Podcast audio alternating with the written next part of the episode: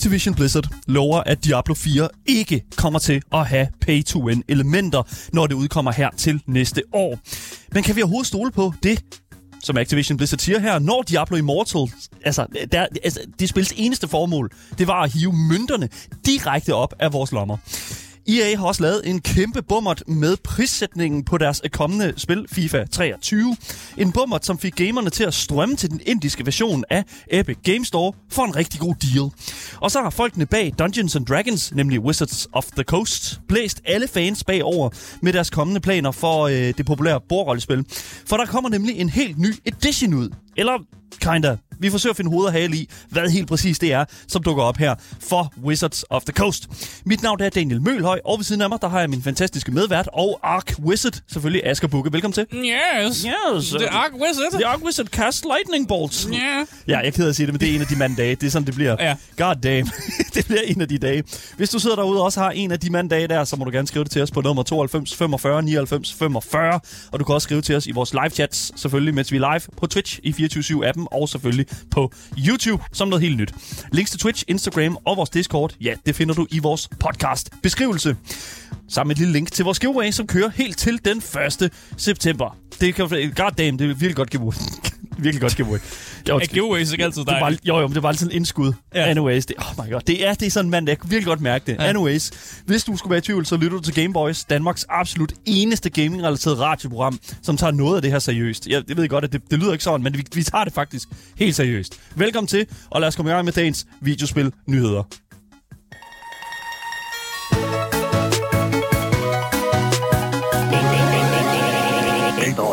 Så jeg føler, at hver gang vi taler om et nyt Diablo-spil, så er det ligesom i, i, altså ligesom i, i, i, i spillene, altså Diablo-spillene, mm. hvor man lige har slået Diablo ihjel, og så kommer der et nyt spil, eller et nyt spil og så kommer man sgu tilbage igen. Ja, det, det, er jo, det er jo en klassisk måde at lave. Det er sådan, gør man også film på, ikke? Ja, lige så laver præcis. man en to af en film, og så er det jo skurken, der kommer tilbage igen. Lige præcis. Der, For. Fordi selvom, ja, og det, og det, det, det her, p- selvom det her pengegriske sådan pay-to-win-spil, Diablo Immortal, det er, jo, det er jo bag os nu, så ulmer mørket fandme stadigvæk i det fjerne, fordi at det, den, den næste titel i spilserien, nemlig Diablo 4, står jo til at udkomme i 2023. Mm. Og efter de her mange kontroverser, som uh, Diablo Immortal førte med sig, så er der hvad kan man sige, et spørgsmål, som hænger på alles læber.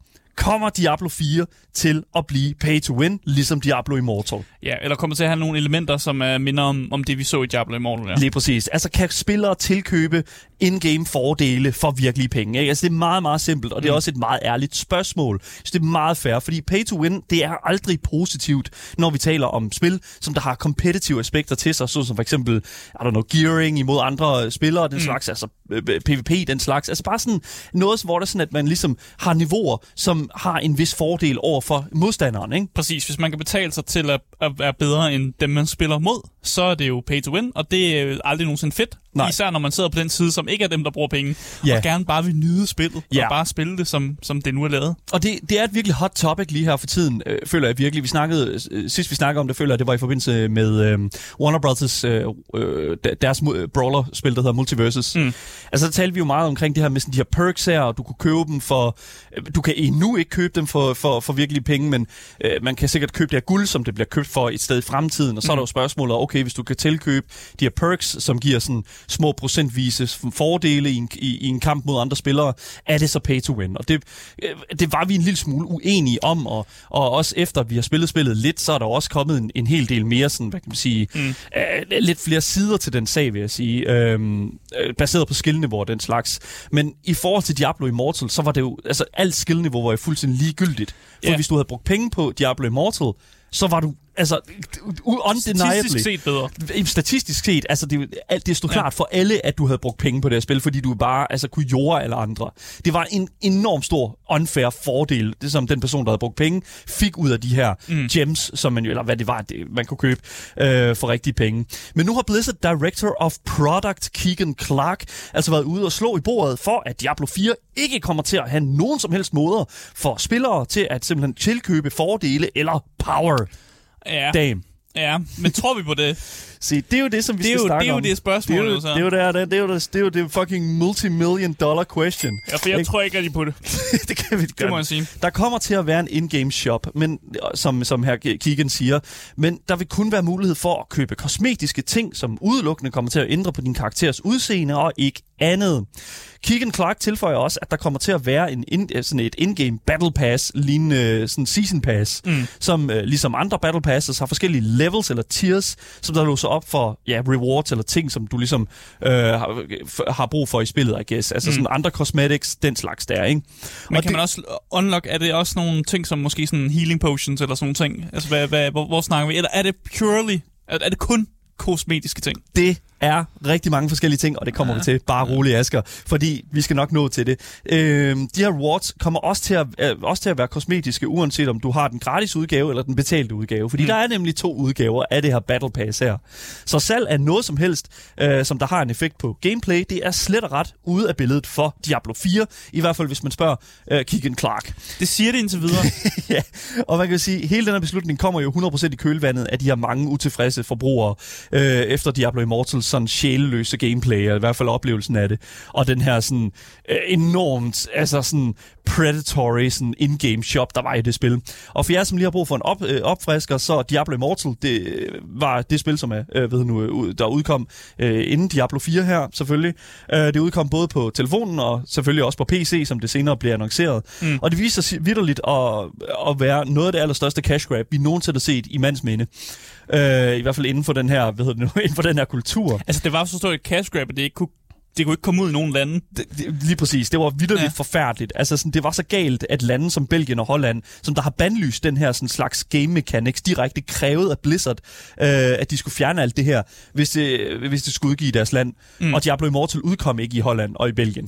Ja. Så det, det, er jo det er og der, hvor den folk ligesom i, ligger. i chatten også nævner, så er det Ja. bare det nummer et på listen over spil, man ikke skal spille, og det er simpelthen fordi, at det på en eller anden måde, når man spiller det, Ja, så... vores liste, Ja, skal lige siges. Ja, vores liste, Ja. vores personlige liste. Ja. Fordi når man på en eller anden måde, når man spiller det spil, så støtter man på en eller anden måde den, den del at tænke spil på. Altså, du, du Det- ligger jo... det hvis, altså, hvis Satan havde en, øh, en indsamlingskiste, mm. øh, så, var det, så var det den ka- kasse, du røg, der, der røg ned i. Ja. Altså, det, er jo- det er jo vidderligt. Det er der, du lægger penge Det er der, pengene rører ned. Jeg var også bare Bobby Kotick's, øh, ved han ikke, I don't know, kiste. Jeg, øh, han er ikke død endnu, men det er jo, øh, på et tidspunkt gør han jo. Nå, men det der er med det, det er jo, at Diablo Immortal vidderligt bare viste dig en cinematic, når du mm. startede spillet, og så lige efter den cinematic var done, ja, så fik du altså shoppen smækket i hovedet. Ja. Og det, det er sådan vidderligt, altså Du det, skal vide, den er der. ja, Diablo Immortals formål, det var for Blizzard 100% og bare at printe penge. Ja, Der er ikke- print penge på en populær uh, franchise, som de ved, at folk vil spille, og som de ved, at folk vil hoppe ind i. Fordi at det er en, det er en, pop, det er en populær, uh, nogle mm. populære spil, de har lavet. Ja. Så hvorfor skulle folk ikke spille uh, det næste i Diablo-serien? Det er jo klart. Hvorfor? Det, det er jo ja. Ja. cash money, og det var jo gratis. Det var jo Ja, free præcis. to play, bro. Ja, det lyder også godt Så på det, er, papiret. det er rigtig godt på papiret. Ja, ja. Det, øh, hvad hedder det nu? Øh, og det er jo jeg kan sige, en ting, som, øh, som, som jeg tror, Diablo 4 jo øh, nok en lille smule går væk fra her, specielt med det, som øh, ved jeg nu, øh, Keegan han øh, snakker om her, fordi han siger, at øh, Diablo 4 får jo ikke de samme problemer, som, som Diablo Immortal havde i forhold for eksempel til, til øh, Belgien og, og mm. Holland, fordi der netop ikke er de her ting her, han- som man siger. Der, der, der kommer ikke til at være lootboxes, der kommer ikke til at være en, øh, et, et, sådan, hvad kan man sige, et skift i forbindelse med, øh, med, med sådan, eller et shift imellem power levels og Mm. power skills og den slags der. Men der er altså et par problematikker, som jeg spotter i forbindelse med det her Season Pass her, Mm. som jeg faktisk... Altså, det, vi, vi er stadigvæk lige sådan i øh, sølvpapirs hat øh, forum her. Altså, Okay. det, det, der er ikke noget, der er, er confirmed. Der er ikke noget, der er confirmed endnu. Vi Nej. har ikke, faktisk ikke set noget Nej. gameplay eller Altså, noget. hvis man skal tage det hele for face value, så det Keegan Clark siger jo noget rigtig positivt. Han siger, Mm, at det kommer ja. ikke til at, der kommer ikke til at være nogen problemer med, med, med det her. Vi, det, det kommer til at være fuldstændig det, som alle spillerne bare gerne vil have. Men den, den sang har vi lidt hørt før. Ja, det, ja, Måske ved ikke, hvad spillerne gerne vil have. Ja, Så. jeg ved det ikke. Men der, det, der sker i, øh, i det her Season Pass her, så, sådan som vi snakker om det, også det, som du spurgte ind til før, mm. der kommer til at være en gratis, gratis version af det her Season Pass, og der kommer til at være en betalt version, som du kan købe med premium currency, som du så køber igennem øh, shoppen Ja, med ja. rigtige penge. Ikke? Det er jo sådan, pre, det er sådan Klassisk. klassisk premium currency øh, setup her. Men det her premium currency kan altså også optjenes igennem den gratis, det gratis season pass. Så du får indtjent øh, hvad er det nu, det her premium currency, som du så kan bruge på det betalte season pass. Ikke? Hvad det så tager tid, om det så overhovedet kan betale sig, fordi at du skal jo først optjene nok currency til at kunne købe det her betale season pass, og så skal du jo, øh, hvad hedder det nu, I don't know, jeg ved ikke, om du leveler begge to op på samme tid, og så får du bare unlocked alt det andet. Det skal jeg ikke kunne sige. Mm. Men det, øh, det, der er med det, det er, jeg kan faktisk rigtig godt lide den her måde, øh, som, altså det her, den her model her. Jeg, kan, jeg, jeg, synes, at, jeg synes, at det fungerer rigtig, rigtig fint, at du kan købe det, øh, blandt andet med, som hvad kan man sige, de game, game time, fordi det, det du gør, altså du bruger tid på at spille spillet, Ja. og så optjener du den her currency Det skal også bare være realistisk game time. det. Det skal det nemlig. Det skal ikke være 10.000 timer for at få Darth Vader. Sådan noget der agtigt, det, øh, hvad nu, Det går øh, ikke. reference til Battlefront 2. Altså, ja. Det var virkelig en, en, en voldsom, øh, hvad hedder det nu, et voldsom grind, du skulle bruge på at få øh, Darth Vader i øh, Battlefront 2. Øh, Eller bare købe dem. Ja, du kunne også bare købe dem. Det var Ja, meget hurtigere. Det var Som var det, de gerne ville have, du gjorde jo. cash money, det Ja. Men øh, hvad kan man sige, øh, som sagt, altså, det betyder ligesom, at du kan få alt spillets indhold igennem gameplay, og det mm. selvfølgelig, øh, medmindre du, øh, øh, ja, I don't know, ikke har særlig meget tid, så kan du selvfølgelig ikke øh, få noget som helst af det her, men det er også lige meget, fordi et videospil, det skal du bruge tid på, det skal du investere i, og sådan er det bare, det kan du ikke komme Ja. udenom. Og det, men, men, men, men bare lige for, øh, altså jeg ved godt, at jeg lyder lidt kynisk, og jeg lyder en lille smule sådan, øh, snarky omkring hele den her sag her, men som sagde før, det er positivt det her. Jeg synes Season Pass-ideen her er super god, det er, en fint, det er et fint format. Men der, hvor jeg bliver en smule effig, det er, når Season Passet også indeholder XP-boosts. Alright? Huhu, yay! Ja, så hvad hedder det nu? Altså en måde, hvorpå spillere kan modtage øh, XP eller level op hurtigere, bare ved at, ligesom at modtage den her reward her. Mm. Så Keegan Clark udtrykker godt nok, at man ikke kommer til at kunne tilkøbe flere af de her boosts, og at der ikke kommer til at være flere af dem i Season Pass. Altså det, man kan ikke, der, der er et finite, en finite øh, mængde af de her XP boosts, mm. og det er jo sådan, det er. Men når jeg hører Blizzard siger boosts, eller sådan streamlined, så hører jeg, giv os og dine penge. Det er sådan de ting, jeg Ja, ja, ja, hører ja. igennem de ting der. Det er sådan, fordi at, at, øh, vi har set igen og igen, at Blizzard simpelthen ikke kan styre den her slags mechanics. Det der med sådan, at åh, åh, ja, det tager også lidt lang tid for spillerne at level op, og uh, vi, vi mister dem jo faktisk lidt, når der sådan, de skal til at levele anden karakter op. Og så i stedet for at lave processen om, øh, om at level op lidt hurtigere og sådan noget, kan vi så ikke bare gøre, at folk måske bare skal betale nogle penge for at level op i stedet for? Uh, det er rigtig, Ah. rigtig fedt. World of Warcraft, øh, som er Activision Blizzards andet spil jo også selvfølgelig, øhm, det er jo, det, de har jo tonsvis af de her ting her. Der er jo sådan nogle forskellige ting, du kan bruge penge på. Sådan noget faction change, så du kommer over. Så hvis du er human, så kan du spille som, som ork eller den slags ting. Mm. Men der er også level boosts, som vidderligt bare er, øh, du leveler fra level 1 til level max level, Ja. whatever, ikke? Og det er jo sådan en ting, som, som, som, øh, som Activision Blizzard virkelig fucking bare casher 100% ud på. Det er, de elsker det pis her. Og det, jeg vil sige et eller andet sted, hvis det er, at, at vi holder fast i det, som Keegan Clark siger, yes, super godt, der kommer alligevel ikke flere af dem, så kan det være, at man kan være øh, level op lidt hurtigere, bum, bum, bum, og det er jo fantastisk. Men, altså, jeg ved ikke, det, det er bare Blizzard. Det, jeg føler bare sådan et eller andet sted, at hvis det er sådan, at, at, de, hvis det er sådan, at de allerede har det introduceret in-game, og, mm. de sådan, og spillerne er conditioned til at se det, så jeg kan bare mærke, hvis Blizzard kan smage, at de kan tjene ekstra penge på noget, Så, så vil de gerne gøre det. så er det i hvert fald ikke sket endnu, at de ikke griber den chance. Skal vi ikke ja. Sige det på den måde? Ja. Altså, det, det er ikke sket endnu. Altså, og de tager alle de fordele og alle de, sådan, de uh, små, små knep, de kan bruge Ja. til at tjene en ekstra mønt på. 100 procent. Og det, og, and I don't, altså, jeg, jeg, jeg klandrer dem ikke for det, fordi det er sådan, ah, capitalism. Mm. Og det er sådan, fair nok, de skal også tjene penge på deres produkt, mm. hvis det er free to play. Og Diablo Immortal var free to play, fair nok. De skulle Ja. have en, en eller anden form for, for indtjening der. Men det, men det kommer det nye Diablo 4 jo ikke til at være. Det, er jo det, han siger. free to play. Det er jo det, han siger, ja. Og der er jo også mange derude, der siger, men uh, Keegan Clark siger jo, det ikke kommer til at være på den måde der. Men så kan jeg altså fortælle, at Diablo Immortal blev præsenteret på nøjagtig samme måde, som Diablo 4 lige nu gør af øh, jeg ved nu, Keegan Clark. Øhm, Diablo Immortals Game Director Wyatt Cheng responderede nemlig til et post på Reddit, inden spillet blev udgivet, som netop pointerede de her problematiske, øh, hvad hedder det nu, øh, ja, de her problematikker, den her sådan problematiske struktur, spillet ville komme til at have, når det kom til de her microtransactions og sådan de her pay-to-win-elementer, mm. som der er, som der jo til sidst i øh, Diablo Immortal viser at blive. Og jeg kan lige så godt sige det, som det er. Øh, jeg har fundet postet. Jeg har fundet et fantastisk. Jeg er simpelthen så glad for, at jeg fandt det post her. Øh, og, og det er Wyatt Cheng, som skriver det til, i forbindelse med det her andet post. Så, øh, så jeg kan se, her skriver Wyatt Cheng vidderligt ordret. I Diablo Immortal er der ingen måde, hvor du kan opgradere eller tilegne sig gear for penge. Hvorfor skriver han det? Det siger han, fordi at det fucking er en eller anden mærkelig sådan marketingkampagne på, at vi ikke skal ved nu have det her spil her mere, end vi allerede gør. Men Det er jo faktuelt Men... forkert. ja, Det er faktuelt ikke forkert. Det er faktuelt For, forkert. så vi, vi, ja, vi har da set gameplay. Yes, jeg har, jeg har anmeldt Diablo Immortal. Ja. Det her er faktuelt forkert. Altså det, og det, har, det var det, det vidste alle også, dengang han skrev det, øh, inden spillet kom ud. Han siger også, øh, hvad hedder nu, øh, da, når man kommer ud her, og øh, hvad hedder det nu, øh, øh, hvad hedder det nu, øh, til det post, som jo ligesom Ja. pointerede alle de her ting her. Ja. I, altså han start, øh, Wyatt Cheng starter også det her, sådan, den her respondering ud til, øh, han siger, øh, vi er lige nødt til at lave et reality, øh, reality check her. Han kommer så lige sådan rigtig sådan hårdmod. Ja, ja, rolig nu. Altså, jeg har alle svarene, og så kommer han ind, og så giver, giver en, I guess the facts, hvilket er faktuelt forkert. Det, Altså, ja, fordi det, det han skriver, det er, der, at man kan, ikke, man kan ikke acquire rank-up gear ved hjælp af penge. Ja. Men der er jo et system for, hvor man kan... Der er en større chance for, at du får noget bedre mm. gear, hvis du så betaler penge ind. Men, så ja. teknisk set, nej. No. sådan på, på helt sådan, hvis man skal kigge alle hans ordret igennem, så, så den siger rigtig nok. Men man kan jo godt lugte, hvad der sker, og man kan godt se, hvad der står bagved. Han skriver her, i Diablo Immortal er der ingen måde, hvorpå, og der står her, nu læser jeg på engelsk, way to acquire or rank up gear using money. Og du kan godt ranke up gear for, ved hjælp Men er det ikke en chance-ting? Selvfølgelig er det en chance til. Ja, så teknisk set, så at, at køber du så til chancen for, at du ranker ting op.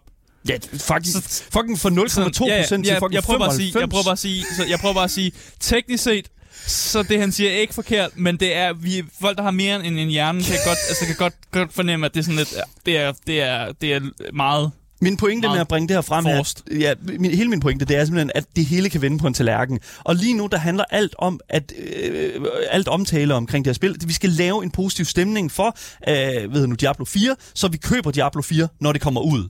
Og jeg er ked af at sige det, mm. men øh, alle, der siger, at jeg tager fejl med det, de lever i en fantasiverden, hvor kapitalismen åbenbart ikke findes. I'm sorry to say. Jeg siger ikke, at det er en sikkerhed, det her, det har jeg sagt igennem hele øh, ved nu, den Ja, her historie ja. her. Men tingene, øh, som det ser ud nu, føler jeg nærmest, at det er 95% sikkert. Altså, jeg er næsten, altså, jeg er næsten 100% sikker på, at det, her, det kommer til at, at vende på en tallerken. Fordi Diablo Immortal er Activisions blæs, altså det bedst indtjenende spil, de nogensinde har lavet. Ja. Og hvis du ikke øh, tror, at de er ude efter den slags penge med alt, hvad de laver i fremtiden, så kan du, jeg at sige det, men så kan du lige så godt spænde sikkerhedsselen på din gamerstol. Fordi du er in for a wild ride, bro. Ja. Du er in for a wild ride. Men det er jo klart, altså, når, hvis, sådan som firmaer kører, det er jo klart, hvis de kan se, der er, her tjener vi en masse penge, hvorfor fanden skulle vi ikke blive ved med at gøre det? Fordi vi tjener, vi tjener jo penge for helvede. Ja. Hvis det ikke er en del af spillet ved launch, så er det jo fucking fantastisk. Ja. Men så kan jeg også bare sige, vent til efter spillet er blevet anmeldt. Fordi lige så snart at de der Metacritic scores, der de er sat fast, mm. så er det der, de kan begynde at fucking at smide det ud. Fordi så bum, så har du både gode anmeldelser på Diablo 4 Ja, og microtransactions. Så du tænker for eksempel, at de måske laver, laver sådan en, en, en double øh, sådan Et bamboozle eller sådan Ja, noget. ja. Hvor de simpelthen de releaser først øh, shoppen, sådan, Det- efter at spillet er blevet anmeldt. det vi kalder i industrien her, the Winston Double. Ja. Altså, det, det, altså, det er jo, det er jo Jeg tror bare, jeg vil kalde det en bamboozle. The old switcheroo. Ja. Altså, det er sådan, fordi det, der er ikke nogen, nogen regler, der siger, at... Øh, ved du nu, Ja, du kan bare opdatere spillet jo bag, Fuck. ja, ja, efter det, er anmeldelsen. det er jo en live service, det her spillet Ja. ja. bliver opdateret. Diablo 4 kommer til at blive opdateret i mange iterationer.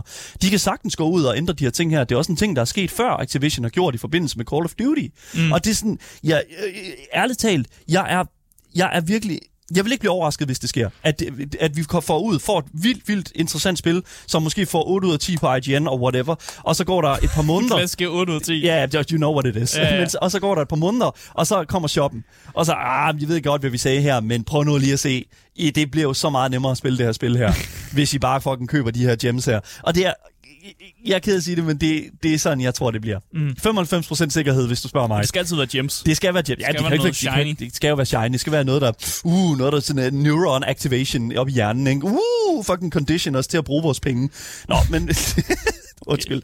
Easy GG. Ja. Men vi får se, hvad der sker i 2023, når Diablo 4 kommer ud. Jeg har ikke super for høje forventninger til Diablo 4, men de skal da have chancen for at overraske mig. Det, det, de skal jo altid kunne afzone straffen, Asger. Det er jo det, vi siger Ja, ja, ja. her på programmet. De Ja, skal, ja. Det, de skal altid, altid have mulighed for, for ligesom at komme og sige... Men igen, når vi go. snakke om straf og sådan noget, og udmåling og sådan noget, så synes jeg kun, de lægger flere år til, altså, du lægger flere, mere til straffen nogen, Det- med alle de ting, de laver. I'm sorry to say, det, det er en lang straf, de indtil. Men altså, man skal sige, at Det er altid... ikke god opførsel i hvert fald, de kommer ud på. Nu må vi se. Nu må vi se. hvad- Nu må det se, det sker. Det, der, det, det kunne være fedt for en gang skyld at få en god historie fra Activision Blizzard. Ja. Det, det, bare for en enkelt gang skyld. Ja, det, ja. Bare, bare one time.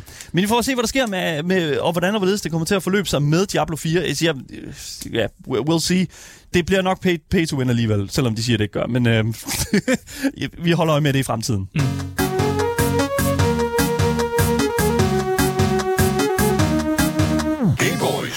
Kender alle sammen det der med, at vi lige øh, surfer rundt på Steam eller Epic Games, mm. eller måske en anden online købsbutik et eller andet sted. Elsker at surfe. Øh, og vi leder efter et godt tilbud, ikke? Det gør vi. Og lige pludselig så dukker der et spil op, eller et produkt op, øh, som står til øh, 999 euro.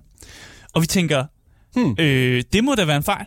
Det øh, burde jo ikke øh, koste 999 euro der. Det kan jeg jo godt se. Det, det, Det, det, det ser ikke rigtigt det ud. ser ikke rigtigt ud. Lidt ligesom, øh, hvad hedder det nu, øh, hvad var det, Rust, der blev, nej, øh, hvad hedder det nu, øh, Factorio, der Ja. kostede øh, over sådan øh, 1000, 1000 kroner på Steam lige pludselig. Ja, ja det er jo en fejl. Det kan man godt se, det er en fejl. Det kan man jo se. Og så kommer firmaet også ud og siger, at det er en fejl efter det. Sådan er det jo. Men hvis et, et, et AAA-spil lige pludselig står til 10 kroner, eller noget i den dur, så tænker vi jo også, øh, Hmm. vi tænker nok stadig, det er en fejl. Men vi tror jo skulle lige købe alligevel. Hvad gør det? Fordi 10 kroner for et eller andet øh, Hvad nyt fanden? spil, eller sådan noget, Skal det, da- vi skal jo prøve, Det ikke? så godt bare for Vi skal prøve. Bare, bare køre den, Ja, ikke? man regner med, at der, der selvfølgelig kommer en mail ind senere, hvor der står, om det var en fejl, og vi har cancelled din order, eller sådan noget der. Øh, men lige præcis øh, den her fejl, som jeg snakker om, det er faktisk noget, som øh, er sket på den indiske øh, Epic Game Store. øh, og det skete med øh, pre-orders af FIFA 23 øh, Ultimate Edition. God damn. Fordi den her fejl, den gik på, at øh, inde på, hvis man var inde på den indiske Game Store, så kunne man komme ind, og så kunne man se, at FIFA øh, 23 Ultimate Edition, det kostede 4,8 indiske rupier. Nå, det er jo sikkert bare sådan, ligesom i euroen, så det koster det ikke. Så er det måske sådan, okay, det røg ned på 70 kroner eller sådan noget. Ja. Det er jo det sa- samme, ikke? Men øh, 4,8 indiske rupier, det er svar til i danske kroner øh, 0,444 danske kroner. Det vil sige, Det hvis vi, er- runder, hvis vi runder op, en halv krone. Det er mindre end 50 øre. Det, Du kan vidderligt få, Ja, du har 50 vidder, øre. du har råd til det ved at gå ned på gaden, fordi der ligger altid 50 øre på gaden. Ja, men, øh, 50 øre er jo blevet, ud, den er blevet udfaset. Ej, jo. den Jeg tror ikke, man kan bruge den længere. Åh, oh, du kan det Kan man selvfølgelig. Ja, det er selvfølgelig. Det er 90, 25 øre, du ikke kan bruge. Okay, det, jamen, okay. Hvis du siger det, hvis du siger det. Jeg var Ja. ret sikker på, at 50 øre også var udfaset. Men Kalle, det, øh, i vores Twitch-chat skriver også stadig for dyrt. og, og igen, når jeg snakker om det her hal, altså halv krones øh, spil her, så snakker vi altså den Ultimate Edition af FIFA. Det er jo den, altså man har jo forskellige versioner af et spil, og Ultimate Edition, det er der, hvor du får allermest, du vil bang for your buck. Du får en masse, masse ekstra ting med, du får en masse pakker med til Ultimate Team, du får alt, alt mulige øh, nice ting med, når du køber den her Ultimate Edition. Hell yeah. Og det var jo meningen, at, øh, at den på den indiske Game Store skulle koste 4.800 rupier. Men der er nogen, der lige har rykket det der decimal point, eller lige har skrevet nogle nuller forkert. Et eller andet, der er i hvert fald sket et eller andet forkert der. Som jo så gør, at den er kommet til at koste de der 4,8 ru- rupier, som jo er 0,44 danske kroner, i stedet for de 445 kroner, som er det, den normale version vil koste. Kan vi lige hurtigt understrege, at det, hvor fucking grineren det er, at den uh, indiske valuta er rupees, ligesom i fucking Legend of Zelda. Ja, rupier. Ja, What? ja, ja det er det, det, er det bare. God damn. Og hvis man kigger, hvis man var inde på den indiske Game Store, så kunne man også godt se, at hvis man købte Standard Edition, så stod det til en rigtig pris. Så den kunne man købe til 325 kroner. Helt rigtige pris og sådan noget. Men den Ultimate Edition, det var de- den der halv krone. Det er det, vi kalder et epic gamer moment. Så da det ligesom øh, kom ud på den indiske Game Store, så skal jeg da love for, at det, øh, det tog fart ude på internettet. Øh, det var jo ret tydeligt, at der var sket en fejl, men ordet det spredte sig rigtig hurtigt. Som en steppebrand. Og folk flokkede til den indiske Game Store. Men hvordan gør man det, hvis man bor i USA eller whatever? Fordi, ja, netop fordi det var ikke kun indiske gamere, som flokkede til GameStore. Der blev nemlig lavet guides til, hvordan man kunne også sætte en uh, indisk account op, Oh så man netop God. ligesom kom, kom ud af det der med, at man ikke boede i Indien. Seriøst. Fucking. Det, det er det, der sker, når fucking gamere de går sammen. Ja, og indiske God gamere, damn. som hjælper øh, andre internationale gamere med at sådan, hey, vi kan godt lige øh, hjælpe med at skaffe øh, FIFA til virkelig lave penge. Øh, og det, altså det her, det er jo, altså det her med, at man sætter decimal øh, forkert, eller noget kommer Ja. til at koste det, det forkert og sådan noget. Det, som jeg sagde i starten af, af hele den her historie, det er en ting, som sker tit i online shopping. Jeg tror, de fleste faktisk har prøvet det, i hvert fald en enkelt gang, at der er et eller andet, der, der står til en forkert pris. Altså, jeg har aldrig nogensinde prøvet det in the wild. Jeg har, jeg har prøvet det engang. Jeg kan ikke huske i forbindelse med, men jeg kan i hvert fald huske, at jeg har prøvet det. Og det, som normalt sker, og det, som jeg også skete i det tilfælde, det var, at man får en mail, mm. og så den mail, så står der bare, øh, der, er selvfølgelig en kæmpe stor undskyldning. Sådan en Mm. stor undskyldning, hvor der står, ens ordre, den, den var blevet cancelled, fordi der var sket en fejl ved den forkerte pris, og så sender de et link til den nye pris, og du kan selvfølgelig stadig købe det her, Ja. den her trøje, eller det her, hvad end du har lyst til, for den rigtige pris, som er det her. Ja. Og så nogle gange, hvis de er rigtig venlige, så kan de måske lige finde på at sende en rabatkode med, eller sådan, som lige sådan et, et, et plaster på Det er, såret. fandme, det er fandme good guys, det der. Det er fandme good guys. Men altså, det er jo, det er jo FIFA, det er jo EA, vi snakker Ja. om her, ikke? Altså, det er, jo, det, det er jo svært at sige good guys, når vi siger EA. Ja, og jeg tænker også, de fleste, som ligesom har flokket til det her tilbud, de har nok de har nok heller ikke regnet med, at de, ligesom, ikke, altså. de ville slippe afsted med at få FIFA til en pris. Det kan jo være, det kan være, de, de, det kan være, de ikke tænker over det. Det havde de jo nok ikke regnet med, Ej. fordi det er jo EA for helvede. Det er jo lige de skal meget. have deres penge og sådan noget, ikke? Ja. Men i noget af en overraskelse, så har EA simpelthen lavet et statement, hvor de siger, at dem, der har købt spillet til ingen penge, at de får det simpelthen alligevel. Let's go! Let's go, dude! For holy, sh- holy shit, Ja. EA. God damn, Jeg ved ikke, hvilken timeline vi er i, men du sagde, vi var, vi, du sagde, vi var den mørkeste, men jeg synes, at det er en lys timeline, når EA begynder simpelthen at sige til dig, at du kan bare få spillet til en anden krone. Mit argument for, at vi er i den mørkeste timeline, det er, at det er EA, der er the good guys. Ja, Det vil okay. altid være den største pointer. Altså, det vil, det, this is not good. Men de har, sagt, øh, de har sagt god for det. De har lavet et statement, som jeg har taget med. Øh, De skriver nemlig følgende. For et par uger siden scorede vi et temmelig spektakulært selvmål, da vi uforvarende tilbød FIFA 23 forkøb i Epic Games Store til en forkert pris. Det var vores fejl, og vi vil gerne fortælle dig, at vi vil honorere alle forkøb foretaget til den pris. Det vil altså sige, at hvis du har købt det til en halv krone, så får du lov at beholde FIFA. Og de siger det selv, "Nå, det var et selvmål, det var vores fejl. God My bad. Here's your game, er det, de siger. God Som sagt, damn. det her er øh, stadig pre-orders, og det var også pre-orders på det tidspunkt, og det fandt sted i, øh, i starten af juli. Så der er faktisk gået rimelig lang tid fra, at den her fejl ligesom er sket, til at EA sådan endelig er kommet ud med et statement, som siger sådan, I får lov at beholde det. Ja. Yeah. Så der er nok noget, nogle PR-mennesker, eller nogle mennesker sådan, i suits, der har siddet rundt om en bord og virkelig snakket det her igennem. Siden det var en, hvis det var en ting, der skete i, i, i slutningen af juli til, mm. til nu, så er det meget sådan, okay, Ja, fordi, at, og det bliver også skrevet i chatten lige nu, altså det er, sådan, det er gratis PR, god presse, altså EA, altså det, der er et eller andet marketing scheme, det er billig PR. Ja. Altså det, det handler om her, det er jo simpelthen bare, at EA har været ude og kigge, altså sådan EA Sports, og sige, kan vi, altså hvis vi tager de her ting tilbage her, er det god, er det dårlig presse? Vil vi gerne have god presse? Mm. Vil, altså, jeg tror allerede FIFA er i rimelig fucking hot waters i forhold til deres altså, footpakker, altså deres microtransactions. Ja, ja. Så jeg tror, Ja, de har ja. brug for en eller anden form for medvind, og det her, det var fucking free cash money. Ja, men jeg vil også sige, det er der det er da pænt svedigt, at hvis man har set, at der var et loophole et eller andet sted, og man har taget det, og så at det firma, som så kom til at lave en fejl, faktisk lidt siger, ja, det var sgu vores fejl, her er jeres uh, game. Swat Det er, det, det, er, det er en lille smule cool points, vil jeg godt sige. Men, men nu kommer mendet. Okay, godt nok. Uh, Men lad os lige, helt ærligt, skal lige, komme ned på jorden. lige, lige ned på jorden igen. EA mister jo ikke noget ved, at de spillede væk til ingen penge. Det gør det ikke. ingenting. Fordi det, jeg kunne læse mig til, det er jo, at de fleste af deres indtægter, de kommer ikke ved, at folk køber FIFA. Der er selvfølgelig folk, der køber FIFA, sådan det. Men de allerfleste indtægter, det kommer simpelthen fra FIFA Ultimate Team, som decideret har tjent milliarder af kroner hjem til EA.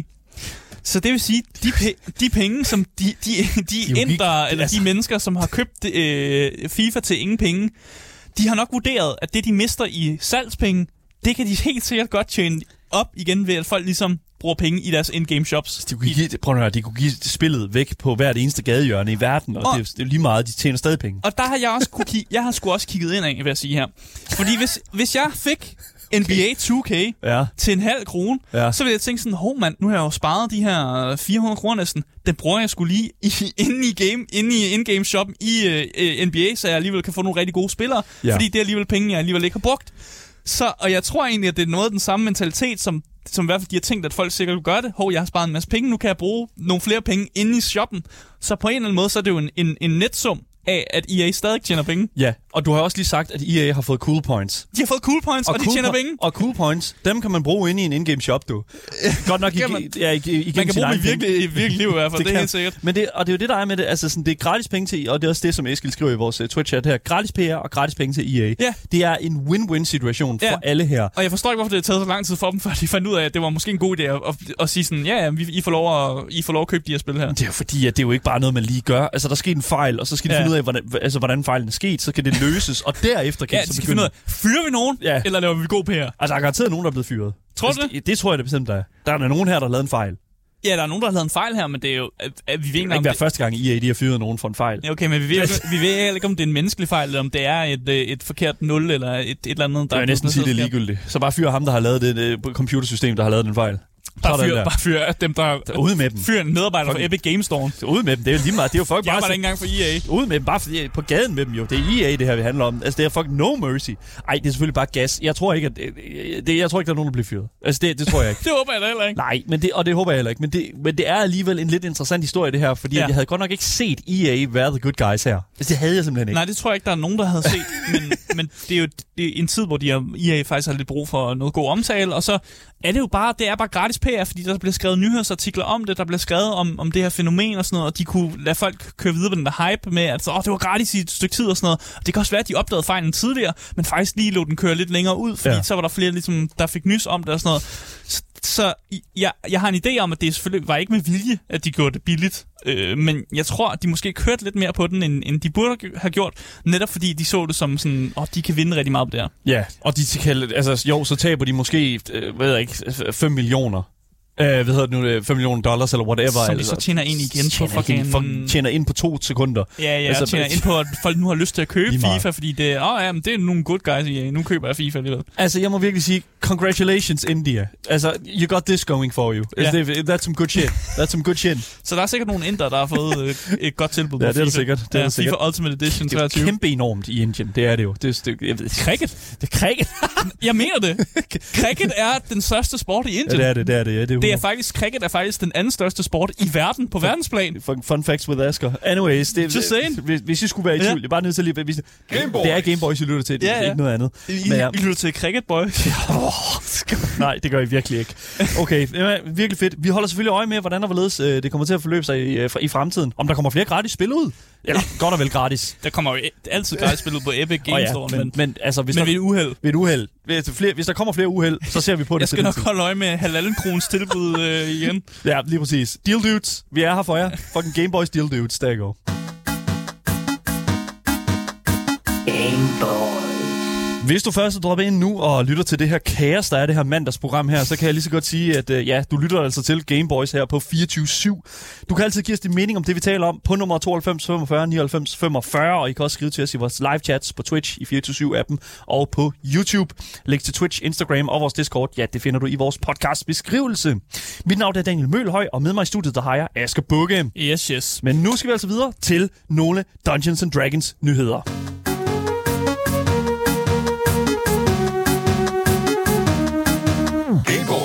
Dungeons and Dragons is a thrilling adventure, one we play together as dungeon master and players, but also an adventure itself. Now we stand at the start of a new generation of Dungeons and Dragons, and today we're going to introduce some of what's in store for us as we embark on an initiative that we call 1D&D. Growing up, I Ja, fantasy. One D&D. One fucking D&D, bro. Så det vi lige hørte her, det var simpelthen øh, annonceringen af øh, Wizards of the Coast, øh, som er det firma, som laver øh, Dungeons Dragons. Mm. Dem, der annoncerede det, som kommer til at hedde D&D 1. Ja. Ja. Altså en ny version af D&D. Og jeg vil gerne på forhånd sige, at øh, det bliver, kommer til at blive lidt nørdet. Øh, vi kommer til at snakke om nogle meget specifikke ting. Vi skal yeah. nok prøve at forklare tingene og holde det så, øh, så på overfladen som overhovedet muligt. Men bare lige for folk så lige, lige med. Det Ja. bliver meget nørdet. Jeg vil anbefale folk at lytte til Asger og min øh, hvad hedder det nu, lille guide til, hvordan man starter med at spille Dungeons and Dragons. Har bare gå ud og spille noget. Eller ud og spille- Ja, det er godt, så men- forstår I det. Nå, jamen, det, jeg vil hellere have, at de lytter til programmerne, Ja, end det- at de det- går ud og laver noget som helst andet. Ja. Lyt, til, lyt til vores tidligere programmer, er den der. Det er Jeg godt vil for gerne have, at folk har det sjovt. Det er godt. Men ja, det bliver en lille smule nørdet i løbet af de næste 20 minutter, Ja. og, det, og det er fordi, at Dungeons Dragons, du kan ikke tale om det, uden at det bliver lidt nørdet. Nej, desværre. Man skal ned i nogle meget specifikke ting, og, Ja. og sådan er det bare. Ja, så hvis det ikke er for dig, tak for i dag. Ja. Men som sagt, Wizards of the Coast, det firma, som står bag øh, Dungeons Dragons, de har lige annonceret, at der kommer en ny version af D&D. Mm. Den hedder D&D 1. Ja. Øh, og den version, som er i gang lige nu, øh, den er blevet kaldt af spillerne 5e, altså den femte, femte iteration, altså ja. femte edition af D&D. Mm. Og, og det er på trods af, at Wizards of the Coast i lang tid faktisk har prøvet at overbevise om, at vi bare skal kalde det, det altså vi skal bare kalde det D&D. Vi skal ikke sige 5e. Vi lade være med skal ikke alt- sige, kalde det femte version. Forvirrende. Vi skal bare kalde det D&D. Kan, Ja. ja. ikke, kan ikke bare gøre det? Jo. Øh, det har bare været meget uden held, fordi folk har alligevel bare kaldt det fem, fem, femte version, eller femte, femte edition. Det har folk bare gjort alligevel. Men jeg er bare nødt til at sige, det er deres egen skyld. Fordi det, er- altså, de startede ud med Dungeons Dragons selvfølgelig, men så Dungeons Dragons 2nd edition, 3rd edition, Ja. 3,4 5 edition, Ja, ja. Fucking 4 edition, og så 5 edition. og så fem og sådan noget. Ja, ja, det, ja, der er fem iterationer af D&D. Men de har alligevel prøvet at kalde den nyeste version af det til for uh, D&D. Derfor er det så faktisk ikke super mærkeligt, at de så at de laver den her nye version, som kommer til at hedde D&D 1. Mm. Fordi de prøvede ligesom at være sådan lidt, om oh, det hedder bare D&D, og så det her, det er D&D 1. Ja. Altså det er sådan, jeg ved ikke, om man, om man skal kalde det et reboot på en eller anden måde, om de, det er dem, der har forsøgt at lave det. Jeg synes godt, man kan kalde det lidt soft reboot eller sådan noget. Det, det er det jo lidt. Vi snakker sådan lidt en God of War-ting her, føler jeg. Ja, måske. Det, det kan vi godt se. Jeg har ikke ingen idé om, hvordan man gør det, fordi for, som folk, der har været med siden, siden 3,5 og sådan noget, så er det sådan lidt, det kan være en lille smule forvirrende. Ja. Men altså med den her annoncering af det nye navn, så kommer der også øh, nogle release-datoer, eller release-år må det faktisk mere være, hvornår vi kan forvente, at der ligesom kommer nye grundbøger. Øh, og det kan vi i 2024, øh, når der kommer det, som man i D&D kalder grundbøger, og det er en players handbook, altså den, man bruger, som, hvis man er spiller og gerne vil lave karakterer og sådan nogle ting. Mm. Det hedder en monster manual, som er en, øh, en bog fyldt med monster. Ja. Og så det, der hedder en Dungeon Master Guide, som er øh, det, som man skal bruge, hvis man skal styre slagets gang. Altså hvis man vil være Dungeon Master og ligesom øh, køre eventyret. Ja. Det er det, man betegner som grundbøgerne. Ja. Ja. Og det er det, der kommer ud i 2024. Øh, så det er altså om to år. Vi yes. ved ikke lige helt, hvornår i 2024. Det er... Det, det er en del af annoncering. Det, Ja. det ved vi ikke. Altså, ved vi ikke. Nej. Men en øh, ting, som der bliver lagt meget vægt på i øh, den her sådan, annonceringstrailer øh, af alt det her nye materiale, det er simpelthen, at det vil være backwards compatible. Og øh, når vi snakker om videospil, så snakker vi jo om det der med, at hvis man laver en ny konsol og sådan noget, hvis det er en backwards compatible, så kan den jo spille, øh, hvis en PlayStation 5 er backwards compatible, så kan den spille, øh, spille PlayStation 4 spil, PlayStation 3 spil og alt det der. Øh, og de siger, at den vil være backwards compatible med den version, der eksisterer lige nu. Og det vil altså sige, at jeg ikke behøver, da, den her, da det her bliver annonceret, behøver jeg ikke gå hjem og brænde mine bøger. Fordi de er fucking skrald nu, jeg kan ikke bruge dem længere, der kommer noget nyt Det er ud. ikke brændende til, altså. Det er dårligt for øh, miljøet. Men, øh, Ja, ja, men nej, men du forstår, hvad jeg Ja, mener. jeg forstår godt, hvad du mener. jeg skal ikke gå hjem og brænde alt det materiale, jeg har, fordi man kan sagtens bruge det med det nye materiale. Altså, Ja. det er mere en overbygning. Og jeg tror også, det er derfor, de har haft så svært ved at navngive det hele, fordi så skulle de, skulle de så kalde det 5,5 så, hvis mm. det er en, en, en nyere version af det, hvis de stadig ikke bruger noget af det gamle og sådan noget der. Så jeg kan egentlig godt forstå, hvorfor man har prøvet ligesom at rebrand sig selv og prøve at kalde det D&D 1. Fordi som de argumenterer for, om det her, det skal være, det skal være the one D&D, altså one D&D for all, Ja. det de siger og sådan noget. Altså det, de har tjent rigtig mange penge på, øh, D&D, altså i, i årenes løb, det er jo netop de her bøger. Altså det er de her ting her, som, som man skulle gå ud og købe, hver gang der kom en ny edition. Ja. Ikke? Og så selvfølgelig de her eventyr, og de her tilkøbsbøger med flere regler, med flere classes og med flere øh, forskellige ting. Men, men øh, det, det, der jo, det jeg jo egentlig føler, de laver her, det er også en ting, som Fred the Seagull skriver i vores Twitch-chat her, at det er på samme måde ligesom Skate, at de i stedet for at sige, jamen Skate 4, prøv nu at høre her, vi laver the definition, altså vi Ja. laver the definitive øh, sådan experience. Ikke? Ja. Altså D&D skate punktum. Ikke? Sådan som jeg forstår af traileren, og det de siger omkring de her ting, så er det, de, at de vil lave mere sådan en, en... Det lyder næsten som om, de vil lave en live service. Altså lave noget, som sådan ja. er bare en, en, den samme udvikling af det samme, og ikke så de skal blive ved med at lave nye versioner af det samme og sådan Nej. noget. Jeg kan godt forstå den idé, men jeg ved ikke, om, om det kommer til at fungere i praktisk, fordi det jo ikke... Altså, de, hvis de, hvis de kunne godt kunne lave det en god D&D den første gang, så havde der kun været en version af Ja. det jo. Altså, Ja. Men det, og det er jo det, de har brug for, at de, at de har en, en nemmere måde at give spillerne en, øh, hvad kan man sige, de her sådan, øh, små mint, eller de her små ændringer, som kommer til at ske i forskellige ting, de her små tweaks. Ja. Og hvis du skriver, hvis du, hvis du printer ting på bl- med blæk på papir, Ja. så er det rigtig, rigtig svært at skal lave en ny produktion af noget, og så sende det ud, og så skal de også købes. Ja, ja for det, det er en ting, som jeg allerede har oplevet. Der findes jo en nyere version af den allerede eksisterende Players Handbook. Ja. Og jeg har købt en af de første, der findes. Ja. Så min, er, min Players Handbook er faktisk forkert. Ja, I forhold men, til den version, der ligger online, for eksempel. Men det, der så er med det, det er, at Dungeons Dragons er så åbent et, et, et, en ting, at det, er sådan, at det næsten ikke gør noget. Nej, jeg kan bare slå det op online. Ja. Det, det ligger altid om online, og i teorien så vil du kunne spille et spil Dungeons Dragons uden faktisk at betale en enkelt krone for det. Du skal bare have adgang til internettet, hvad jeg vil Ja. sige. Så kan du egentlig finde alting online, og hvis der er nogen, der bare har en lille forstand på, hvad der foregår, så vil du godt kunne køre et spil for dig, og du kunne spille det på et normalt bord med blyantspidser og viskelæder, og altså, du behøver ikke engang have miniatyrfigurer. Det er jo det smukke ved Dungeons Ja. and Dragons. Det Du er alt sammen i fantasi. Altså, du kan, du kan, Vi behøver altså, ikke engang et bord, faktisk. Vi kunne sidde på fire havestole ude i, i, i haven. Eller sådan Altså, jeg vil næsten våge at påstå, at Ja. det eneste, der kræves for, at du, øh, ved, nu kan spille Dungeons Dragons, det er en D6 og en fisk. Altså, det, det, det du skal, jamen, altså, ja, okay. jamen, altså whatever. Ja, ja, altså, ja. fucking Just, det, det, Altså, det er fedt nok med terninger, men øh, jeg vil ikke være fisken. Jamen, det er altså, prøv nu. Det- Så kan du, du kan jo bruge mange dele af fisken og den slags. Altså, det er bare, det er bare for at sige, Okay. simple, øh, det simple ved Dungeons Dragons, det er, at det, det er kun fantasien, der sætter grænser. Ja. Jamen, jamen, det er rigtigt nok. Men lad os vende tilbage til annonceringen her, og væk fra den her mærkelige fisk, og, og, og din kun bruger en terning. Ja, yeah, man. Øh, fordi med den her annoncering, øh, så har Wizards of Coast jo allerede øh, udgivet en gratis spiltest, som man kan få adgang til via deres online-platform, der hedder D&D and Beyond. Ja. Øh, og de siger også i traileren, at der kommer til at ske en masse ting med netop den her online-platform, D&D and Beyond. De siger, at man vil i fremtiden kunne øh, køre sessions via den, øh, og de vil lave sådan et, et online tool, som simpelthen øh, ligner, at man, man sidder ved et bord, og man kigger ned på nogle miniatyrfigurer, der render rundt inde i en, for eksempel en dungeon eller et slot eller et sted. Det er fucking vanvittigt, Man er et sted, hvor action det. sker, og de vil Ja. simpelthen gøre det, at det er en integreret del, fordi som, som det fungerer lige nu, så findes der en hel masse øh, tredjepartsfirmaer, lad os kalde det det, som har deres egen D&D-tools og deres egen måde at lave de her rollespilsting på. Ja. Og det, det har D&D bare til, besluttet sig for, Wizards of Coast besluttet for, at vi skal have vores eget som ligesom er via det her D&D Beyond, som de ejer, som allerede har en hel masse tools til, hvordan man kan lave en hel masse ting. Ja.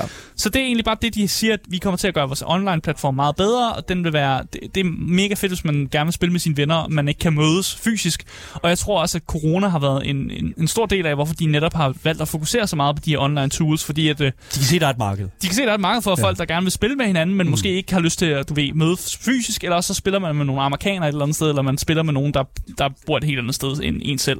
Præcis. Altså, jeg, vil, jeg vil virkelig sige, altså, når, når vi ser billeder fra det her sådan 3D-environment, altså det, det ligner sådan en blanding af uh, Tabletop Simulator og så sådan Ja. ja. det her VR-spil, jeg spillede for ikke så lang tid siden, der hed Demio. Mm. Altså det her sådan også, hvor du er i virtual reality, står og kigger på sådan et, et, et, et nærmest Dungeons Dragons bræt, mm. hvor du sådan skal flytte øh, de her minis rundt og lave spells og sådan noget. Altså det er simpelthen bare den helt rigtige vej, som det her medie det går. Altså det er digitaliseringen af, en, af et, et, et analog spil, mm. som simpelthen, ja, som, som jeg tror, kan blive så vanvittigt fantastisk, hvis det, hvis det bliver udført korrekt. Ja, en af de ting, som de også siger i traileren, som jeg faktisk af en eller anden grund, så tror jeg på det, det er, at de siger, at de vil fortsætte med at lytte til fansene. Øh, og på den måde, som jeg har set D&D udvikle sig på de mm. seneste par år, så har jeg faktisk, så tror jeg 100% oprigtigt på dem, når de siger, at de lytter til fansene. De har været rigtig gode til at lægge mange af de her playtesting ting ud i øh, noget, der hedder Unearthed Arcana. Ja. som er egentlig bare, hvor de bare lægger en masse testmateriale ud, og så kan man ligesom spille det, og så kan man komme med noget feedback, hvis man har lyst til det. Ja. Og det virker som om, de lytter til meget feedbacken, og jeg kan også mærke, at mange af de eventyrbøger, der kommer ud på det seneste, at det bare fungerer lidt bedre som sådan den, der mm. styrer spillet, altså DM og sådan noget. Så, så jeg, er- jeg har tiltro. Jeg har tiltro til Wizards of the Coast, og det de er i gang med at lave her. Det har jeg altid haft. Altså, det, det, det har aldrig nogensinde fejlet. Nej, det, ja, Føl- det føler jeg ikke. Der er nogle ting, der måske godt kunne have været lidt bedre. Nå, okay, men igen, men det- de, er blevet, de er så blevet gjort bedre i det næste materiale, der er kommet ud. Så det, det, de forbedrer sig, og det er okay at lave fejl, fordi de fejl bliver så rettet i noget fremtidigt materiale, og folk brokker sig og sådan. Ja. Ja. Men folk, de lytter til det. Øh, men som jeg sagde, så var øh, den her annoncering, det kom med en playtest. Mm. Og den playtest, den har vi faktisk kigget nærmere på Vi har Ja. givet det et godt kig her, vil jeg her, sige. her på Gameboys, for at finde ud af, hvad, hvad sker der med den her playtest? Hvad ja. Er anderledes? Hvad, hvad er det nye her? Mm. Øh, og det materiale, som er blevet øh, givet ud til offentligheden, det er det, man i D&D kalder character creation. Altså det der med at lave en karakter. Så hvis man skal lave en karakter, så skal man bruge det her materiale. Øh, og en karakter typisk består af en race, ja. En class og en background. Ja. Og i det her materiale, som øh, er kommet ud, det her playtesting-materiale, så er det racer og backgrounds, samt det, som hedder feats, som også er kommet ud. ja. Det vil sige, der er ikke, Ikke kommet... fødder, men altså sådan mere sådan bedrifter. Ja, Ikke? ja det, er- det er sådan Eller- nogle jeg, ved ikke, skal, jeg vil have lyst til at kalde dem skills, men det er ikke det, det samme i ikke- D&D. Nej, det er det ikke. Øh, det er nogle ting, man kan. det er nogle, ja, ja, præcis. Det er lidt flavor til din karakter, ikke? Det vil altså sige, class er ikke med. Nej. Altså, man kan ikke, der, det, det er simpelthen ikke en del af det, det, men Det- er også okay. det er også en lidt større ting her, og, Ja. det, og det der er med den her playtest her, det er noget, som jeg virkelig er glad for. Altså det hele background, øh, background ting i, i, øh, hvad hedder det nu, som, som de har inkluderet. Ja. Altså de har fuldstændig vendt backgrounds på hovedet her. Altså, vi kan allerede nu se i det her materiale, at øh, uden at gå for dybt ned i det, mm. at der er blevet rusket lidt rundt på, altså, hvilke ting, der gør en forskel for ens karakter. Fucking thank God. Før i tiden, så var ens, øh, ens race, det havde meget at sige om den karakter, man var. Og nogen, for nogle folk kunne det godt være lidt en øh, stopklods. Ja. For eksempel, hvis man virkelig gerne vil være en øh, hagefork, for eksempel, mm.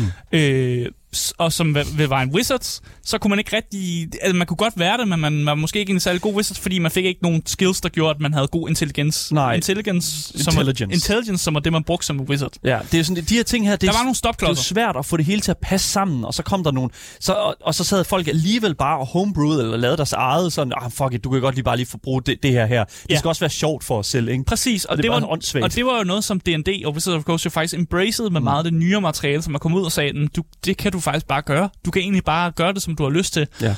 Og i øh, det nye materiale, vi sidder og kigger på her, så har de f- sådan totalt fuldt embraced det. Og det her øh, ra- med, at du vælger en race, det er faktisk lidt sådan sekundært. Det er ja. En sekundær ting. Fokus er mere på den baggrund, du tager. Mm. Fordi det er baggrunden, der bestemmer, hvad for nogle, øh, nogle sådan improvements, du får på dine stats, og sådan, den giver, de giver dig nogle, nogle features også, og de øh, har også, hvad, hvad for nogle sprog, du kan snakke og sådan noget. Der er virkelig meget fokus på, at det er baggrunden, der skal danne karakteren. Præcis. Og race, det rasen, det er det sekundære, som jo egentlig bare gør, at du har, har mere fun stuff, du kan gøre og som en race. Og det er også der, hvor jeg føler, at vi kommer lidt tættere på øh, en, en tidligere D&D-version, altså 3.5, ikke? hvor der, ja. sådan, at der jo netop var altså det helt store fokus på, at Customization. og Ka- karakter customization. 5e var så for simplet. Og det, mm. det der med, med, med at vælge en background, når du lavede en ny karakter, det var simpelthen så... Altså, det var vidderligt bare for at vide, hvad for noget... Øh, noget Det var bare for at vide, hvilken skills har jeg, og måske har du i starter jeg, rygsækken? måske jeg starter jeg med en sjov pande. Ja, lige præcis. Sådan og det er bare ja. så ligegyldigt. Ah, jeg tager Folk Hero. Det, okay, hva, hvorfor er du Folk Hero? Ja, men det- det har det rigtige udstyr.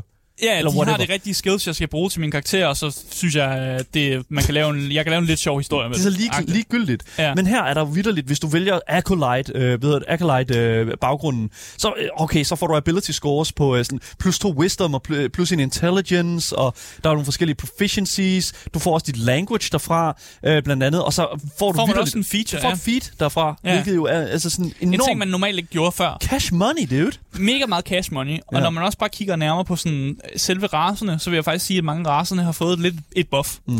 Fordi Ja, når det har de, tilbage i tiden, når man lavede en, en, en, når man skulle vælge en race, så var der bare sådan en følelse af, at der var nogle racer, der var lidt bedre end andre. Ja. Altså, der var nogen, der kunne lidt mere end andre. Og, øh, og det, det klare eksempel, jeg kan gi- give her, det er simpelthen, når jeg kigger på humans, altså mennesker. Altså, mennesker var noget af det mest fucking kedelige, Mennesker- du kan lave, i, det, Man lave, kø- lave ja. i, tilbage i the good old days. Hvis du kørte direkte efter, ved nu, øh, ved nu Ja. ja. Players Handbook, fordi der, der var jo også Revised Human. Ja, variant humans, som det Variant, hedder også. ja, ja, lige præcis. Som er Variant det, human. de så har taget til sig nu, Ja. og sagt, den, den der, vi ved jo godt, at folk lavede en variant human. Mm. Det har de så taget til sig, og nu kan humans godt bare gøre meget mere. Øh, og jeg synes også, at øh, for eksempel, at orkerne er blevet en, øh, en race, man kan vælge Ja, nu. De er ja. ikke længere en stereotypisk skildring af sådan lidt en... en Et væsen skabt af rape. i, ikke? Altså, nej, det- Hafox, det- men, ja, men Hafox. bare orker generelt nu også er bare blevet ting, man kan spille og sådan noget. Ja. Øh, og så var du meget glad for de der artlings. Ja, okay, Jeg synes, så... de var lidt sjove. Ja, men, så Asger han var sådan lidt som øh, artlings og sådan noget, men det er sådan modst... det, hvis man kender til tieflings, som jo er, er sådan, hvad kan man sige, små djævle, djævle mennesker, ja. Eller sådan, du ved, den slags, ikke? Altså sådan, de, åh, de har en, hvad hedder det nu, en lineage, eller sådan et eller andet, de har sådan en, øh, et, et, et væsen, som de, øh, hvad hedder det nu, øh, som de øh, holder til, eller sådan et eller andet. Mm. Så er det den modsatte her, at du har sådan, no, sådan nogle lidt nogle englevæsener, eller sådan nogle sådan spiritual væsener, som øh, ligner dyr, mm. og de dyr, som de ligner, øh, bestemmer, hvad for et, øh, sådan, hvad for et lineage, øh, eller sådan legacy, som de kommer fra. Så det er sådan noget med, at hvis de ligner en kat, så er de sådan øh, en exalted øh, artling, og så kan de forskellige sådan thaumaturgy, divine favor, forskellige øh, ja, sådan, de lærer nogle forskellige ting. Ja, lige præcis. Jeg, jeg synes ærligt talt, at det er vanvittigt interessant. Det er at, cute. Det er virkelig cute, og det bedste ved det hele, det er, at, man, at du... Og det jeg elsker det sådan der, at, fordi under size, size er jo en stor ting, når det kommer til characters og den slags. De Ja. kan både være medium, men de kan også være fucking small. Ja, selvfølgelig, hvis du en, øh, et eller andet, en, en, ligner lidt en kanin, så er du måske lidt mindre i det. Det er fucking cool. Og det bedste ved det hele, det er, at de også har sådan en angelic flight, hvilket gør, at det er sådan en bonus action, hvor du kan fucking flyve rundt. Ja. det er bare so good. It's so good. Jeg er ked af, det, det, det ved Dungeon Masters derude. De her karakterer her, de bliver, de bliver, de bliver åndssvagt. Men selvom der er kommet noget character creation i det her materiale, men der er faktisk også kommet det, jeg vil kalde nogle rigtig store regelændringer, Ja. som helt sikkert vil blive debatteret rigtig meget. Mm. Fordi det, de har annonceret, det er simpelthen, at øh, en 20'er i D&D, normalt slår man med en 20-sidet terning, når man laver ting. Ja. Hvis du slår en 20'er på din terning, så er det altid en succes. Og hvis du slår en 1'er, så er det altid en fail. Meget kontroversielt. Det er en ting, som jeg altid har spillet med, Ja. fordi jeg synes simpelthen bare, det har været sjovt. Men Ja. nu er det simpelthen blevet, øh, det er blevet established, det er sådan, vi gør det. Mm. Hvis du så også slår en 20'er øh, på det, du så laver, så får du også automatisk inspiration. Ja. Og hvad er inspiration? Inspiration, det er egentlig bare Ja. en ting, som gør, at du må slå med en ekstra terning, når du er, f- føler dig presset. Yes, lige præcis. It's so good. Og det er sådan, der bliver så også sagt, at det kun er på attacks. Ja. Men, Ja. øh, og, men en ting, som jeg også er virkelig glad for, som også er blevet øh, ved nu penslet ud i det her, ved den her playtest her, det er blandt andet også øh, hele den snak omkring sådan, hvor, kan, en, kan en fjende critte dig? Altså kan en fjende slå en 20'er og lave critical det kan det hit? Det kan det ikke mere. Men, så, men nu, nu, nu bliver der sagt kun på attacks, men i den nye regelsæt, så er 20'eren altid, den er altid en succes, og 1'eren er altid en fail, ja. også på ting, der ikke er attacks. Oh, okay, fair nok. Så det er på alt. Det er på alting, er det sådan Okay. der. Og 20'eren giver inspiration, og inspiration er også blevet lavet lidt om. Øh, det fungerer med, at normalt så kunne DM give noget inspiration ud. Øh, men det nye materiale her, så er det noget, du også kan få ved at netop at slå en 20'er.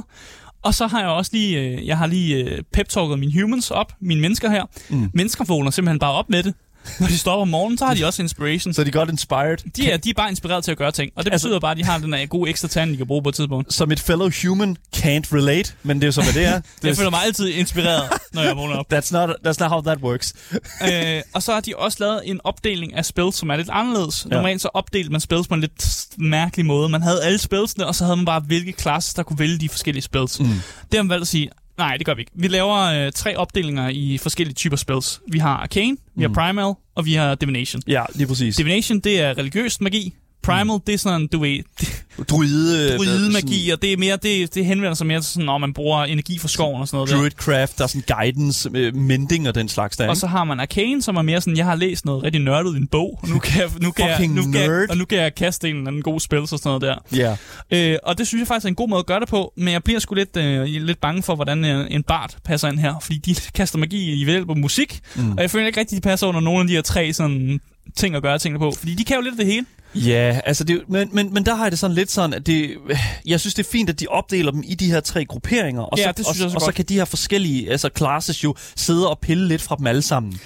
Ja, eller der, hvor de passer ind og sådan noget der. Ja. Men det er jo garanteret sådan noget, det er jo garanteret en af grundene til, at vi ikke har fået classes i den her playtest Ja, her. Fordi ja. de er simpelthen nødt til at udrede, hvordan, hvordan det bliver wordet, og hvordan at de ligesom... Øh, fordi hvis det ikke er wordet korrekt, så kommer der netop sådan nogle forvirringer, som der har været i mange år omkring mange forskellige aspekter af mm. den Dungeon Dragons. Ja, så er der selvfølgelig også nogle øh, conditions, der har fået en opdatering. Ja. Øh, Grappled er den, der har fået den allerstørste opdatering, fordi at før i tiden, når man tog fat i noget, så gjorde der pis. Det gjorde ikke en skid Det gjorde ikke noget noget. Det var bare, så kunne de kunne stadig stå og slå på det og sådan noget der. Mm. Nu har man gjort det, at det er lidt federe at tage fat i ting. Det kan jeg godt lide. Og jeg skal godt lide at tage fat i ting, når han mm. spiller Dungeons Dragons. Ja, så Men- det er fucking godt. Men det er alt det, der var i playtesten, øh, fordi vi har faktisk også fået det, der hedder en release schedule fra D&D. Et roadmap. Et roadmap. Øh, hv- hvis man kan sige, øh, ligesom Marvels face, øh, øh, faces, altså der er Kevin Feige, der står og siger, yes, Ja. Black Panther f- 13 kommer ud i den her dato. Ja, og jeg synes bare lige, vi hurtigt skal gå igennem Ja, det lad os gøre sammen. Øh, så vi ved, at til vinter, der kommer noget, der hedder Keys of the Golden Vault, Ja. som bliver noget et heist-eventyrbog. Så det er Ocean's Eleven, øh, der møder D&D. Cue bongo-trommerne. Ja, det bliver en masse heists, som bliver sådan nogle one-shots, øh, en, en del one-shots, øh, Ja. så bladet af. Mm. Så kommer det, der hedder Glory of the Giants, øh, som nok bliver et eventyr, hvor du får lov at spille en Giants. Der er nemlig lavet noget testmateriale ud på, øh, på, hvordan man kunne spille en Giant. Så det bliver nok noget, hvor vi kommer til at spille som giganter i D&D-universet. Makes sense. Big B-boy. Præcis. Alle hænderne. Så øh, kommer der også en bog ud, der hedder The Book of Many Things, som Ja. er sådan et supplement, som dykker ned i mange af de her magiske items, man kan finde i D&D-universet, og muligvis også tilføjer nogle nye. Mm. Så hedder er der noget, der hedder Fandelver Campaign, som er en videreudvikling af et meget populært intro-modul, øh, som hedder Minds of Fandelver, som var virkelig populært, og folk elskede det sådan intro-modulet, og det er de valgt at gøre til en kampagne, åbenbart. Fedt. Og så kommer det sidste, som øh, at, det, der kommer ud, det er det, der hedder øh, Planescape, som er en genfortolkning af en populær interplanar, interplanetarisk setting, hvor det er basically, jeg kan ikke forklare det andet end filosofer med køller. Og jeg tror bare, jeg vil lægge, lade den hænge i luften på en eller anden måde. fuck? Jamen, det er, nogle, en filosofiske, Det er det, jo- er det er filosofiske retninger, der laver deres eget... Øh, Altså, 6 Ja. bliver vanvittigt. Altså, det, det er six, Dungeons Dragons 6th men, edition, men man. bare lige for at sige, det her roadmap, det er stadig for den version, der findes nu. Ja. Men selvfølgelig, som sagt, alting bliver backwards compatible, så du kan kan nok godt det her. lave, du kan bruge det her i den nye version også, mm. så det er, det er, man kan lige så godt købe det og, og være en del af det, fordi det bliver ikke, ikke, ikke, ikke, ikke relevant. Dungeons Dragons 6e eller D&D 1, det er op til, øh, ved nu, øh, det er op til, op til fortolkning, men indtil videre, så er vi i hvert fald glade for det meste af det, vi hører her. Fucking glade for det. Vi ser, hvad der sker, og vi ser, hvordan folk kommer til at modtage Dungeons Dragons 1 i fremtiden. Yes, det var alt, hvad vi havde på programmet for i dag. Hvis du misser noget, så kan du altså altid bare finde dagens program som podcast, hvis du bare søger på det gyldne navn. Gameboys. Så misser du aldrig en nyhed, en anmeldelse eller et interview nogensinde igen. Mit navn er Daniel Mølhøj, og med mig i studiet har jeg haft min fantastiske medvært Asger Bukke. Yep, yep. Vi er tilbage igen i morgen med meget mere gaming og meget mere Game Gamescom til dig, Top Tier Gamer. Vi ses. Hej hej.